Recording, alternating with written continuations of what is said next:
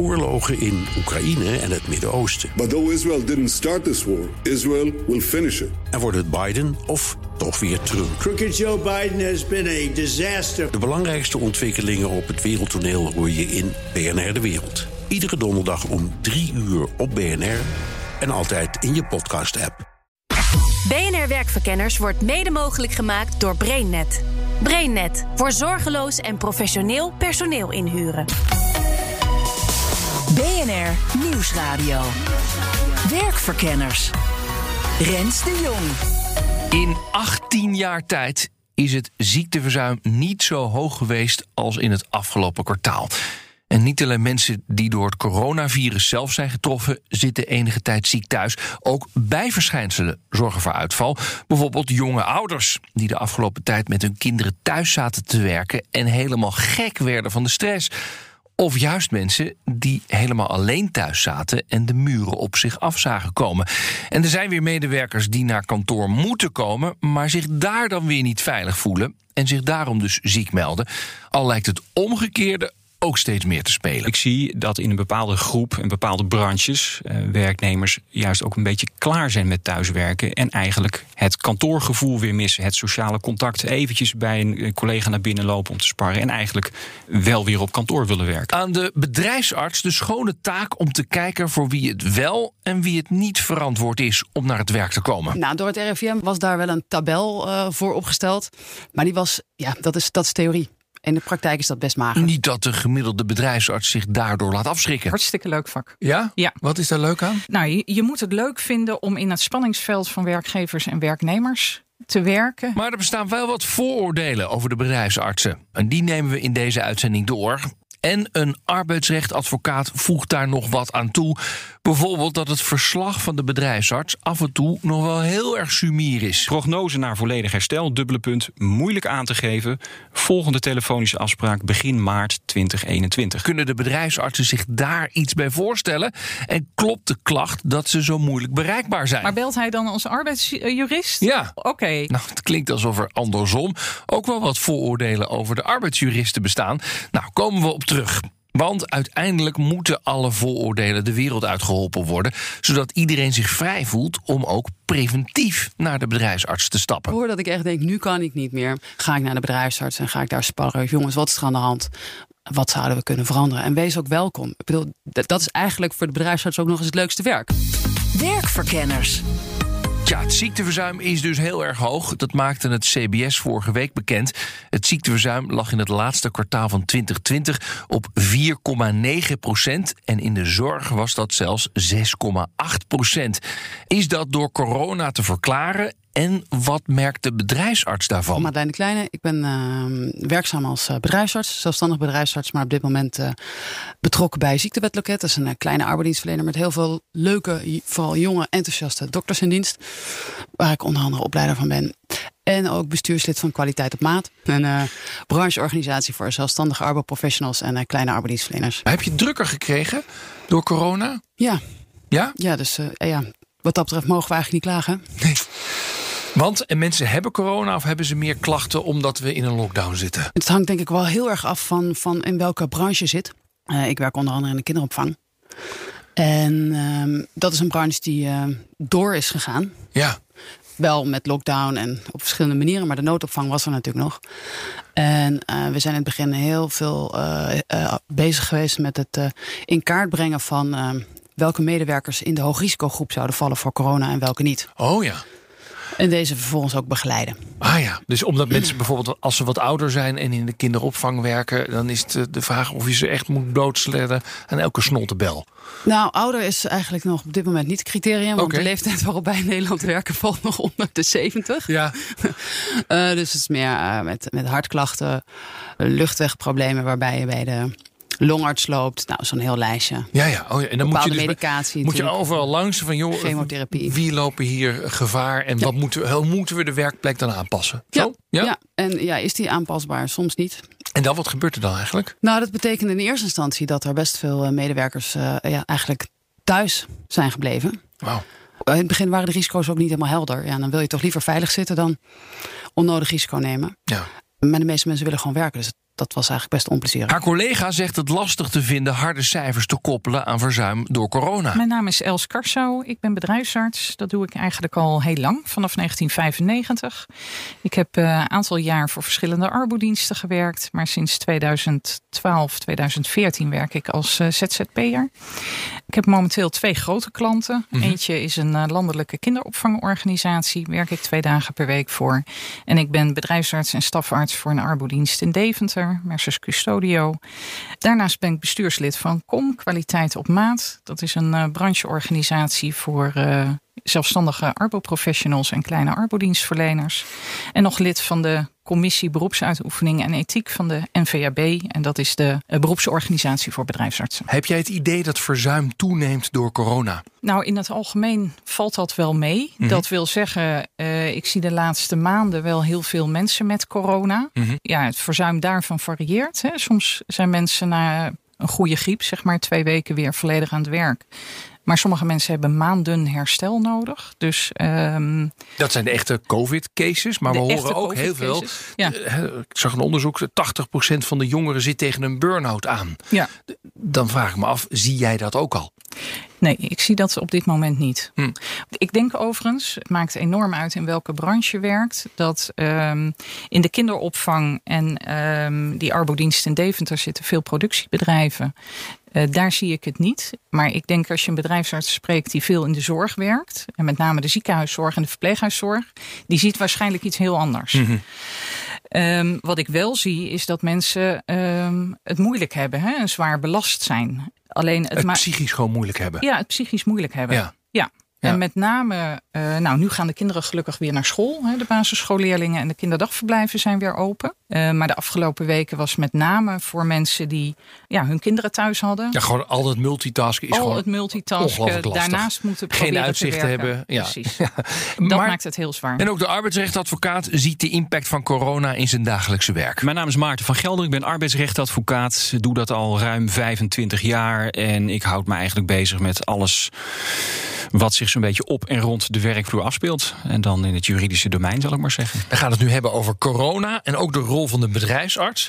Even op corona-sec.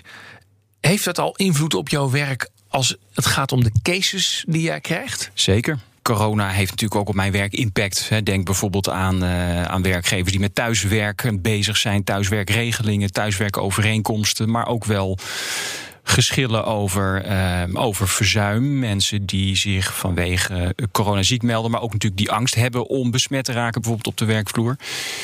En niet te vergeten een aantal bedrijven die natuurlijk al behoorlijk moeten ingrijpen in het personeelsbestand vanwege corona. Dus ja, ook bij mij is het helaas een rode draad in mijn werk geworden. Kun jij vanuit je praktijk inschatten om welke redenen mensen nu uitvallen door corona? Nou, ik denk wat ik zie dat dat uh, twee groepen zijn, zou je kunnen zeggen. Je merkt gewoon dat naarmate deze crisis langer duurt, het, stressniveau bij iedereen uh, en dus ook bij medewerkers, werknemers oploopt en heel hoog wordt. En dat die druk uh, bij, ja, bij een aantal mensen gewoon tot uitval leidt. Dus een directe aanleiding is dan niet de besmetting zelf, maar ja, de hele crisissituatie, alle maatregelen waar we in zitten, dat heeft gewoon impact op mensen. Dus dat leidt tot verzuim. Um, en um, nou ja, de tweede groep van verzuim uh, is dan eigenlijk de categorie van uh, problemen rondom thuiswerken. Uh, en dat kan twee kanten op. Dus een aantal werknemers wil heel graag thuiswerken. En die werkgever zegt: Ja, dat gaat niet gebeuren. Ik vind echt dat je op het werk moet komen. En dat iemand dan zich ziek meldt of in ziekte vlucht. En andersom komt ook eigenlijk wel voor dat werknemers het zo'n beetje zat zijn om thuis te werken, daar heel veel stress onder vinden en eigenlijk wel weer graag aan het werk zouden willen. Maar nou ja, dat levert ook wel allerlei problemen op. Noem eens wat praktische cases die je tegenkomt. Nou ja, er zijn twee uh, in de afgelopen maanden twee uh, interessante uitspraken ook over gewezen. De eerste was ongeveer een half jaar geleden. Uh, speelde bij een, een groothandel in keukens. Een beetje aan het begin zeg maar, van de coronacrisis, waarbij in eerste instantie gezegd werd in het voorjaar 2020 iedereen naar huis. En er was toen ook nog, nou, je zou kunnen zeggen, sprake van een soort collectieve paniek bijna. Iedereen naar huis toe.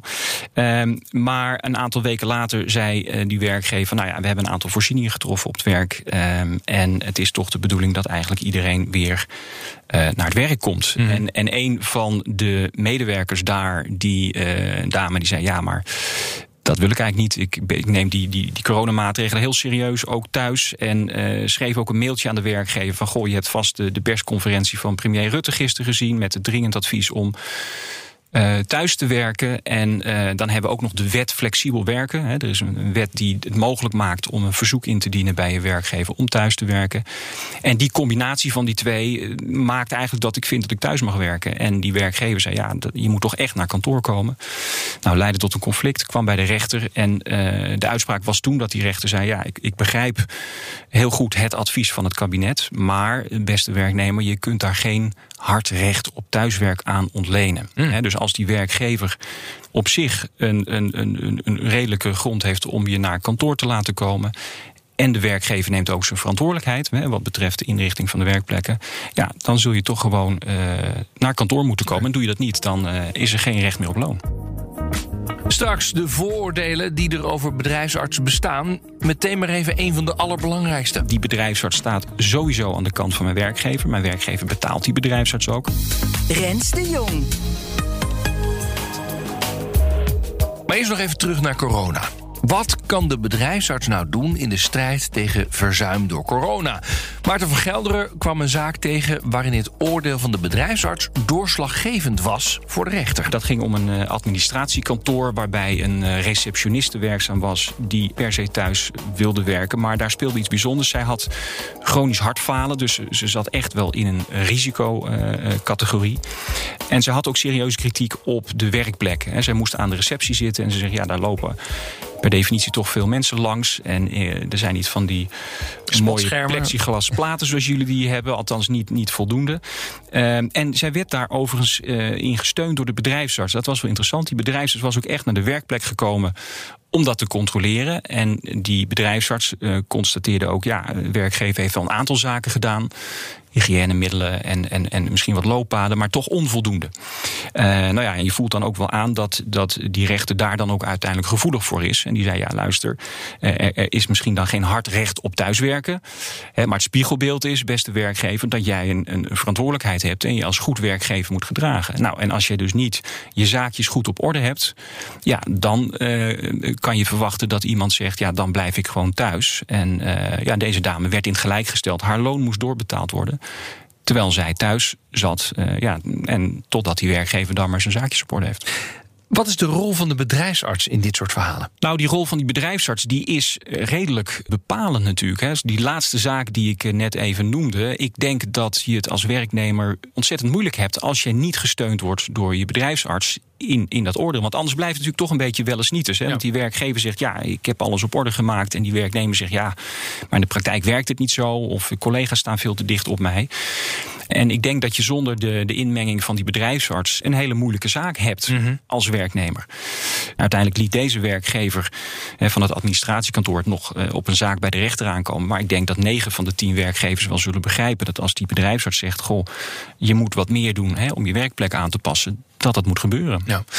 Je zei ook wel, bijvoorbeeld in het debat over moet ik nou thuiswerken of moet ik naar kantoor komen of niet, vluchten mensen vaak in ziekte. Wat is de rol van de bedrijfsarts daar? Dat is iets wat vaak gebeurt bij arbeidsgeschillen uit een soort van onmacht of uh, ik krijg geen gelijk terwijl ik het vind dat ik het wel heb. Uh, een werknemer meldt zich ziek. Um, en de regelgeving is dan zo dat je als werkgever uh, niet mag vragen wat iemand heeft. Dus uh, je moet eigenlijk gewoon ja, die ziekmelding aannemen en min of meer erkennen.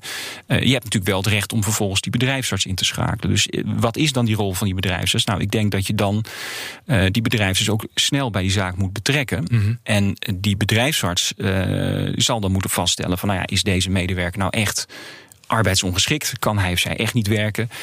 Of speelt er eigenlijk iets anders? Is er, is er misschien geen sprake van een, een, medische eh, situatie, maar een onderliggend arbeidsgeschil? En ook de bedrijfsarts zelf geeft aan er vroeg in het proces bij betrokken te willen worden. Els Karsau. Wat je als bedrijfsarts doet, is uh, samen met de werkgever kijken wat, wat speelt er in jouw bedrijf, wat is voor jouw bedrijf belangrijk. En toch proberen de mensen die het heel zwaar hebben, zo vroeg mogelijk uh, te zien en te spreken. En bij voorkeur voordat ze echt ja, uitvallen, omvallen en dusdanige klachten hebben dat je zegt, en nu, nu is er toch wel echt sprake van ziekte. Maar ja, voordat je naar een bedrijfsarts toe gaat, zie ik altijd wel een behoorlijke drempel, toch? Uh, som, soms wel, soms niet. Nee? Ehm, ik denk al bij mezelf, nou, dan, dan heb je je al overspannen gemeld. En dan ga jij maar naar de bedrijfsarts. Als het goed is niet. Hmm. Oh, wij hopen van niet, laat Nee, ik het zo zeggen. Nee, maar dat is heel erg Maar afhankelijk. herken je eh, wel de drempel of niet? Want als je zegt als het goed is, is het niet zo. Maar Ja, er wordt heel verschillend gewerkt in de bedrijfsgeneeskunde. En het is dus heel erg afhankelijk eh, hoe is de bedrijfsarts binnen het bedrijf gepositioneerd. Eh, in die grote kinderopvangorganisatie werk ik nu niet. Maar normaal gesproken op locatie ben ik gewoon zichtbaar binnen het bedrijf aanwezig. Eh, ik werk er al een aantal jaar. Mensen kennen me. Ehm, ik ben laagdrempelig bereikbaar. Dus mensen kunnen mail sturen, kunnen me bellen. En dat gebeurt ook. En dan oh, en hebben ze ook zo van, joh, ik heb gewoon een beetje... zit- met COVID, dat hebben wij thuis. Dat Mhm. je denkt, ja, het is best uitzichtloos. Eh, de kinderen zijn lief, maar eh, nou ja, ze zijn ook kinderen. Mhm. Ondertussen proberen we alles een beetje van elkaar te krijgen. En dan heb ik nog het idee dat wij het redelijk voor elkaar hebben. Ja. En toch is er stress. Lopen mensen dan al bij jou binnen? Nee. Van- nee toch? nee. en daar, niet- daar, en daar wil je interveneren. Ja. Denk ik dan. Ja, mensen lopen binnen op het moment dat of een leidinggevende signaleert van ik maak me zorgen om de medewerker. hè. Dan is de, de leidinggevende de initiator. Eh, en soms zoeken mensen wel zelf op, maar dan zijn ze meestal wel iets verder dan wat je nu beschrijft. Waar, waar zijn ze dan? Eh, dat ze echt merken dat ze er bijvoorbeeld slecht van gaan slapen, eh, dat de spanningen oplopen, dat ze een kort lontje gaan krijgen, dat soort klachten. En wat doe jij dan? Vooral met ze kijken waar kunnen we ruimte creëren. En soms is dat heel moeilijk, want er kan momenteel niet zoveel. Hè. Ehm, Maar hoe, wat is ruimte creëren? Ehm, hoe kun je, eh, kun je mensen in je omgeving inschakelen, bijvoorbeeld? Zodat je eh, regelmatig toch even een uur, een paar uur voor jezelf hebt. Ehm, eh, bewegen, ontzettend belangrijk. Er zijn veel mensen die blijven nu toch binnen en thuis zitten. Maar zorg er alsjeblieft voor dat je iedere dag een half uur tot een uur naar buiten gaat. Kun je ook met kinderen prima doen. Is voor de kinderen ook goed trouwens. En zo nodig, maar dat is erg van de werksituatie afhankelijk. En wat daar gevraagd wordt, samen met de werkgever ook kijken. Is, het, is er mogelijk en, eh, en nodig ook om ruimte te creëren. Zodat mensen wat meer hersteltijd krijgen. Ja. En, en creatief nadenken, wat is hersteltijd voor jou? Waar word jij, ja, waar ontspan je van? En voor sommige mensen is er heel veel weggevallen. Want als jij graag, eh, als voor jou shoppen ontspannen is, ja, dan heb je het lastig nu. Ik hoor jou niet meteen zeggen, dan gaan we het werk aanpassen. Ik hoor jou eerst zeggen, nou, eens even kijken waar jij zelf hulp kunt zoeken. Waar je het handiger kunt maken. Ik had eigenlijk wel verwacht dat jij meteen in de modus zou gaan. Nou, misschien moet je maar wat minder gaan werken. Dat kan een oplossing zijn. Maar dat is niet, Maar het is niet dat de eerste. Niet, de eerste. Nee, Nee, waarom Nee. niet? Omdat ehm, eh, werk, even ervan uitgaan dat iemand een baan heeft die bij hem past, waar hij het naar zijn zin heeft, waar, waar geen gedoe is, eh, is werk namelijk ook heel ondersteunend. Want het betekent eruit zijn, het betekent met andere dingen bezig zijn, het betekent je wereld groter maken. Ehm, dus werk kan juist heel erg ondersteunend zijn. Nogmaals, met de randvoorwaarden dat je op een goede plek zit waar je het naar je zin hebt. Als er allemaal gedoe is op het werk, gaan we daar uiteraard meteen naar kijken. Bedrijfsartsen kunnen dus een grote rol spelen, ook preventief, om de werkplek gezond te maken en te houden. Maar er leven wel wat vooroordelen over deze beroepsgroep. Het grootste vooroordeel is eigenlijk het vooroordeel dat twee kanten op werkt. Namelijk het idee bij veel werknemers dat eh, als zij zich ziek melden en bij de bedrijfsarts moeten komen, dat ze het gevoel hebben dat die bedrijfsarts partijdig is. Terwijl. Het interessante is dat als ik werkgevers bijsta, eh, precies het tegenovergestelde vaak Oh ja. hoor. Ja, absoluut. Dus die, die, die werkgever zegt, ja, die werknemer heeft zich ziek gemeld. Hè, laten we zeggen, die werkgever is het daar niet mee eens. Die zegt, er speelt eigenlijk wat anders. En ja hoor, hè, de werknemer eh, mag bij de bedrijfsarts eh, zijn verhaal doen. Ja. Misschien met Haai een traan hier en, en, daar. ja. En dan gaan we weer een paar weken in de vertraging. Want de bedrijfsarts zal wel een soort time-out voorstellen. Dus hardnekkig misverstand of vooroordeel is denk ik van beide kanten... dat de bedrijfsarts altijd aan de kant van de andere partij staat. En wat zeg jij dan? Ga er maar niet van uit dat die bedrijfsarts automatisch aan de andere kant staat. Maar ook zeker niet automatisch aan jouw kant. Mhm. Wat ik dan wel ook daar gelijk bij eh, zeg, en dat is misschien ook wel een vooroordeel over bedrijfsartsen, ga ook met die bedrijfsarts in gesprek. En wat ik dus heel veel zie, is eh, die werknemer meldt zich ziek, die heeft een consult bij de bedrijfsarts. De bedrijfsarts moet op basis van die informatie een beslissing nemen, en dat doet die bedrijfsarts ook vaak. Terwijl de werkgever ook misschien nog wel een verhaal heeft. En ja, dat is wel iets waarvan ik zeg, nou, ik zou, ik zou het best prettig vinden als een bedrijfsarts van twee kanten het verhaal aanhoort en dan gewoon zijn eigen beslissing neemt. Ja. Ik begrijp dat jij ook wel wat kritiek hebt op de bedrijfsartsen. Onder andere over het feit dat je krijgt dan een oordeel van de bedrijfsarts. En dat is soms zo sumier. En jij zegt, ik weet niet of ze doorhebben hoeveel effect dat in de juridische Exact. procedure heeft. Leg dat eens uit. Nou, ik heb, eh, om je toch dat maar even duidelijk te maken, een voorbeeldje meegenomen van een, eh, een rapportje. En het is zo kort dat we het volgens mij makkelijk in de uitzending kunnen behandelen. Eh, even ontdaan natuurlijk van alle persoonlijke gegevens. Maar dan krijg ik dus een, een, een half A4'tje. En dan staat dan op: geschiktheid, dubbele punt. Betrokkenen is arbeidsongeschikt voor haar werkzaamheden. Functionele beperkingen, dubbele punt, onveranderd. Prognose naar volledig herstel, dubbele punt, moeilijk aan te geven. Volgende telefonische afspraak begin maart 2021. Nou, dat is dan de rapportage die teruggekoppeld wordt. Nou ja, het enige wat je eruit zou kunnen halen is dat je zegt: oké, het is in ieder geval duidelijk dat deze mevrouw dus niet geschikt is om te werken. Eh, maar wat moet er verder gebeuren in die tussentijd? Hè? Die werkgever vraagt dan bijvoorbeeld aan mij: van nou, ik moet een plan van aanpak opstellen, of ik zou toch al graag wat contact met die werknemers willen hebben. Is, mag dat? Ehm, en ja, Maar wat vraag jij dan aan de, werkge- of aan de eh, bedrijfsarts? Wat zou jij dan meer willen hebben? Nou, in ieder geval wat meer richting over waar moeten we met de reïntegratie van die medewerker dan naartoe? Moet ik hieruit afleiden dat er de komende weken eh, dat het misschien beter is dat er maar helemaal geen contact is? Ehm, eh, of mag de werkgever wel contact hebben met de werknemer? Om al te praten van, goh, eh, ja, hoe, hoe gaan we dit samen aanpakken? Eh, hoe, hoe, hoe ziet het herstel eruit? Wat voor andere mogelijkheden zijn er? En het lastig is, en, en nogmaals, ik denk totaal niet dat dat bewust is bij veel bedrijfsartsen. Maar dat als er een hele beknopte terugkoppeling komt. of soms een terugkoppeling die, eh, nou laat ik het zo zeggen. voor meerderlei uitleg vatbaar is. dat dat juist weer een bron van discussie vormt. Oh ja, geef eens voorbeeld dan. Nou, als je bijvoorbeeld een terugkoppeling krijgt van een bedrijfsarts. eh, werknemer is medisch gezien niet arbeidsongeschikt. ehm, maar spanningen op de werkvloer maken het moeilijk om tot werkhervatting te komen. Nou, eh, zeg het maar. Als je dan als advocaat de werkgever bijstaat. Dan zou je kunnen zeggen: ja, maar deze meneer is medisch gezien helemaal niet arbeidsongeschikt. Hup, je moet aan het werk. Ja. Terwijl de advocaat van de werknemer hierin leest: ja, maar er staat op dat er spanningen op de werkvloer zijn. En als die niet opgelost worden, ja, dan kunnen we natuurlijk niet aan het werk. Ja, dan zeg ik, dan moet je als bedrijfsarts realiseren, eh, geef daar dan duidelijk richting aan. Als je als bedrijfsarts zou vinden, bijvoorbeeld, en dat gebeurt ook vaak, er zal eens een driegesprek moeten plaatsvinden. Of er moet bijvoorbeeld een mediator ingeschakeld worden.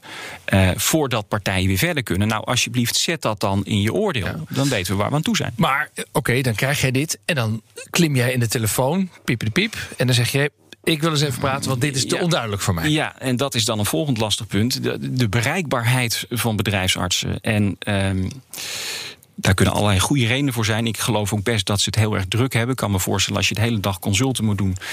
eh, dat je misschien eh, daardoor moeilijk bereikbaar bent. Maar dat is wel een ding. Je zou eh, af en toe, en misschien is het niet eens als advocaat... maar of als werkgever toch even die bedrijfsarts willen bellen... en zeggen, goh, wat bedoel je hier nou precies... en hoe moet ik dit nou interpreteren? En die bereikbaarheid is gewoon heel erg lastig. Telefonisch sowieso. Er wordt vaak gezegd, nou stuur maar een mailtje. Nou ja, dan moet je hopen dat daar een, een antwoord, antwoord op komt. Maar goed, met mailverkeer wordt het natuurlijk al vrij snel heel formeel. En dat snap ik ook wel. Zeker als je met een advocaat aan het corresponderen bent. Dat je denkt, oh, eh, wat kan ik wel en niet kan- zeggen. Dus, niks tikken. eh, nou ja, dan komt er ook weer niet heel veel eh, richting uit. Dus ja, die bereikbaarheid eh, vind ik wel een punt. De artsen die bij mij te gast zijn, nou, die hebben eigenlijk niet zo heel veel last van die belemmerende vooroordelen. Nou, ik weet dat ze er zijn. Ik maak ze zelf niet zo heel veel mee, gelukkig. Eh, maar dat heeft er veel mee te maken dat ik al lang bij klanten zit. En dus dat eh, mensen mij kennen. Eh, maar ik weet wel dat er vooroordelen zijn dat we als bedrijfsarts vooral voor de werkgever staan. Bijvoorbeeld, ik las laatst weer iets dat er geen medisch geheim zou zijn. Dat is, ja, dat is niet zo. Hè. Als bedrijfsarts hebben we gewoon volledig medisch geheim. Dus er gaat, eh, wat er in die spreekkamer gebeurt en verteld wordt, blijft daar ook. Alleen is iemand ziek gemeld, dan gaat er alleen een terugkoppeling de deur uit. Waarin gesproken wordt over wat zijn je mogelijkheden en beperkingen. Dus er wordt geen diagnose, geen behandeling. Al dat soort dingen worden niet benoemd.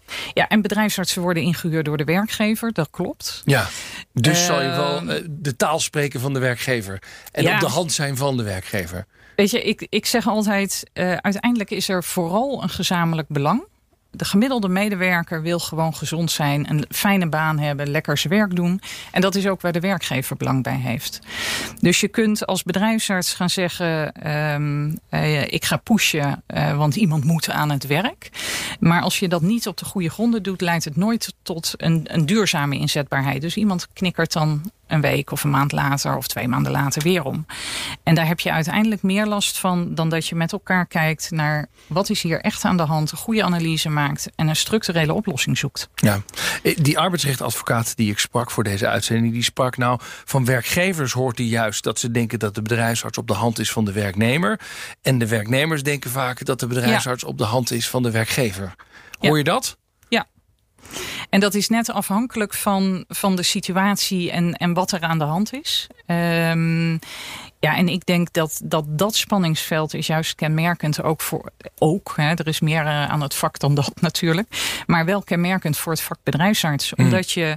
eh, en als er een arbeidsrechtenadvocaat betrokken is, dan is er een boel aan de hand. Hè? Ja. Dan heb je al een geëscaleerde situatie. Eh, en dan moet je als bedrijfsarts een oordeel geven over ja, met name de medische belastbaarheid. Ehm, en valt die uit in de zin dat, dat je zegt, ja, medewerker, ik snap wel dat je allerlei klachten hebt, maar dit is echt een arbeidsconflict. Je moet het gaan oplossen met elkaar. Dan is de medewerker niet zo blij. En nou, werkgever doorgaans vindt dat prima. Maar op het moment dat ik in zo'n situatie oordeel, deze medewerker is echt heel veel mee aan de hand. Ik vind hem nu arbeidsongeschikt en je kunt nu dat gesprek niet aangaan. Ja, dan is de werkgever niet blij met me. Dus, dus dat is wel inherent aan het vak af en toe. En die bereikbaarheid, hè? je hoorde Els Karsa eerder al bedenkelijk vragen of de advocaat dan zelf belde. Ik zou de werkgever laten bellen, eerlijk gezegd. Want ik weet wel dat collega's wel af en toe huiverig zijn voor arbeidsjuristen. Ja. Oh ja. Ja. Waarom is dat? Ja, omdat je dan toch in geëscaleerde situaties zit. Juristentaal is echt andere taal dan artsentaal. En dan is toch ook de angst van wat gebeurt er nou met wat ik zeg als ik het net niet Goed goed, formuleer of gaat er dan niet een ander mee aan de haal? Ja, ja, ja. Dus, dus daar snap ik wel dat als hij dat zelf gaat bellen, dat dat, dat eh, af en toe lastig is. En Madeleine de Kleine is de vooroordelen graag voor. Eigenlijk iedereen die voor het eerst bij mij komt, daar heb ik een, een, een introductiepraatje voor. Waarin ik uitleg eh, wat mijn werk inhoudt. Dus dat wij eh, twee belangrijke taken hebben: preventie en mensen begeleiden op het moment van functioneren, daar waar gezondheid en werk elkaar raken. Dat kan doordat je ziek wordt met invloed op het werk. En het kan zijn dat je denkt: hé, hey, wat doet werk met mijn gezondheid? En vooral het eerste ook, een stukje preventie. Dus dat mensen ook bij ons kunnen komen zonder dat ze ziek gemeld zijn. Dat is vaak niet bekend bij de mensen. Dus dat biedt ook weer nieuw perspectief. Mensen zeggen, oh, dus ik mag ook gewoon zelf bij jou komen als ik een vraag heb. Ik zeg, ja, graag. Dat zijn namelijk leuke gesprekken. Ja. Dus door een goed introductiepraatje te geven, goed neer te zetten wat het werk is wat je doet. Ook de spelregels daarbij, dat wij privacy hebben, geheimhoudingsplicht, net als collega's, de huisartsen, de specialisten in het ziekenhuis. En dat de dingen die je met mij bespreekt over je privéleven, de medische dingen, die blijven tussen jou en mij. In principe ook de, de details als het gaat over het werk. Ja.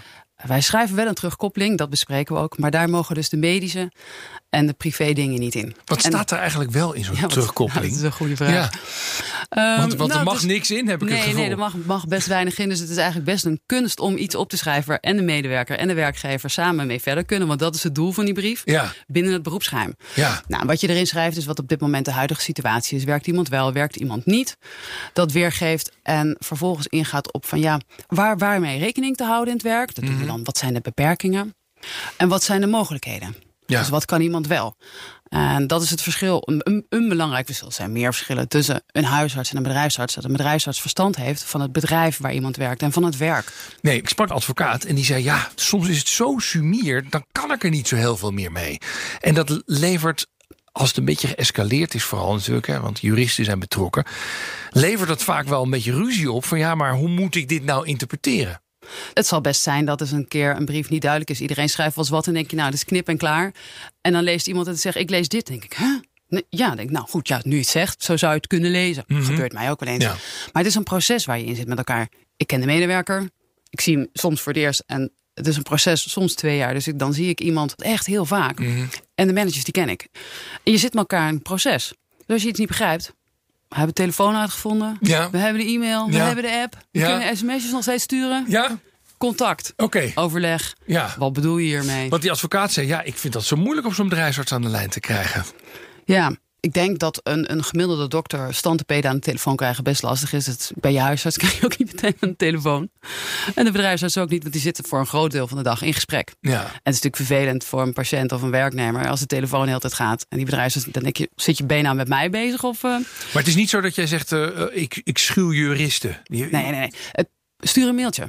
Ja. Stuur een mail naar de bedrijfsarts. Zeg veel bij Pietje Puk, ik wil je even spreken over. Kun je me bellen? Ja. Nou, dan zal je op dezelfde dag of binnen een paar dagen word je gebeld. En, en uh, ben jij dan extra. Word je wel eens gebeld door een jurist of niet?